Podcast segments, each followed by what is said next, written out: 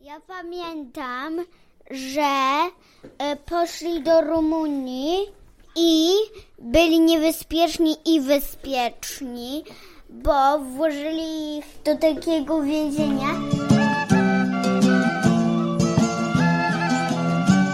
Witam w 29 odcinku podcastu Historia Polski dla dzieci oraz według dzieci. Nagrywam tę audycję we wrześniu, czyli w dziewiątym miesiącu roku. Nie wiem czy wiecie, ale II wojna światowa także zaczęła się we wrześniu. We wrześniu 1939 roku. Co się wtedy wydarzyło? W 1939, 1 września, Niemcy atakowali Polskę. Potem e, tego samego roku, 17 września, Rosja atakowała. Gdy będziecie słuchać tego podcastu, spójrzcie na mapę, którą przygotowałem. Będzie ona w naszej grupie na Facebooku oraz na stronie podcastu historia wgdzieci.pl łamane 29. Będzie ona też okładką tej audycji. Na tej mapie widać, że Niemcy byli na północy, czyli na górze mapy, oraz na zachodzie, czyli po lewej stronie mapy, a na dole, czyli na południu były Czechy, które już wtedy należały do Niemiec, bo Hitler zaatakował Polskę w 1939, a Czechy rok wcześniej, czyli w 1938. Na dole też była Słowacja, która była sojusznikiem Hitlera. Sojusznik to taki przyjaciel. Gdy więc Hitler zaatakował Polskę z północy i z zachodu, to także Słowacja zaatakowała Polskę od południa.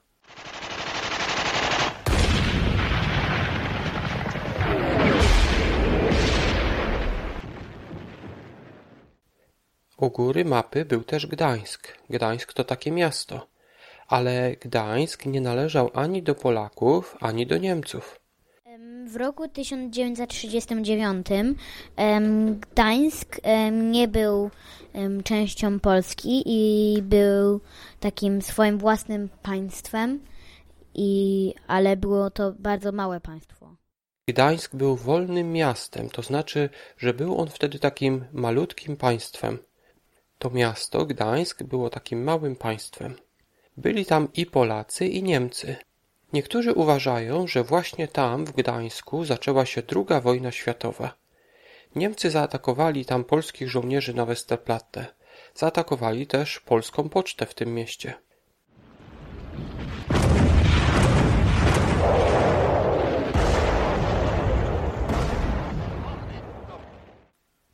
Hitler miał sojuszników, na przykład Słowację, która pomagała mu w ataku na Polskę.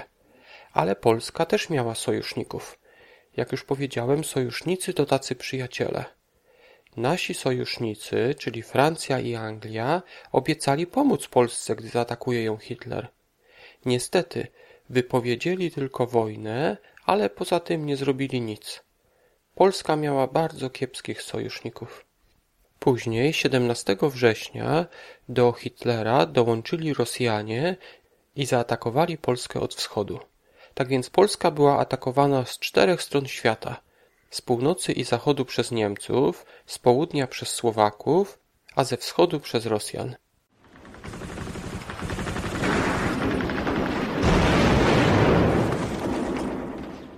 Polacy mogli zostać i być pod okupacją niemiecką i rosyjską, albo uciec i walczyć w innym miejscu. Ale gdzie oni mogli uciec, jeżeli byli atakowani z wszystkich czterech stron świata? Spójrzcie na mapę. Do których krajów mogli uciec polscy żołnierze? Więc musieli uciec, ale nie, em, mogli pójść do Litwy, ale nie, chcie, e, nie chcieli, bo się z nimi pokłócili, więc poszli, mo, mogli wybrać Węgry albo Rumunię.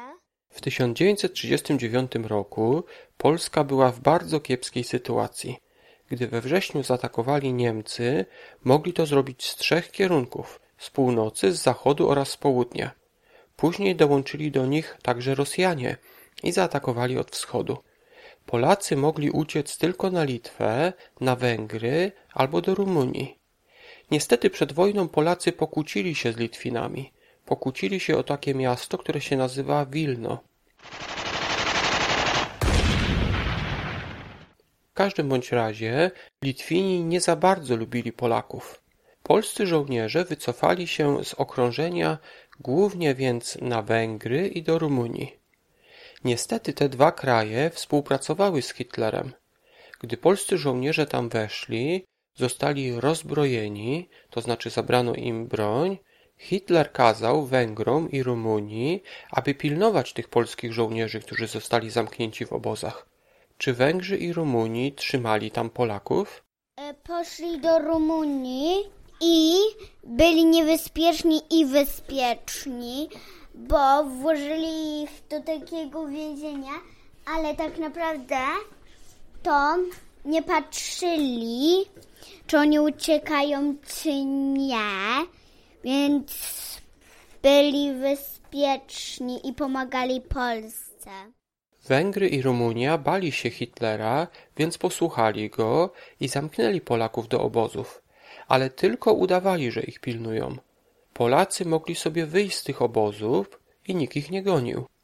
W ten sposób Węgrzy i Rumuni mogli powiedzieć Hitlerowi, że zamknęli Polaków, co było prawdą.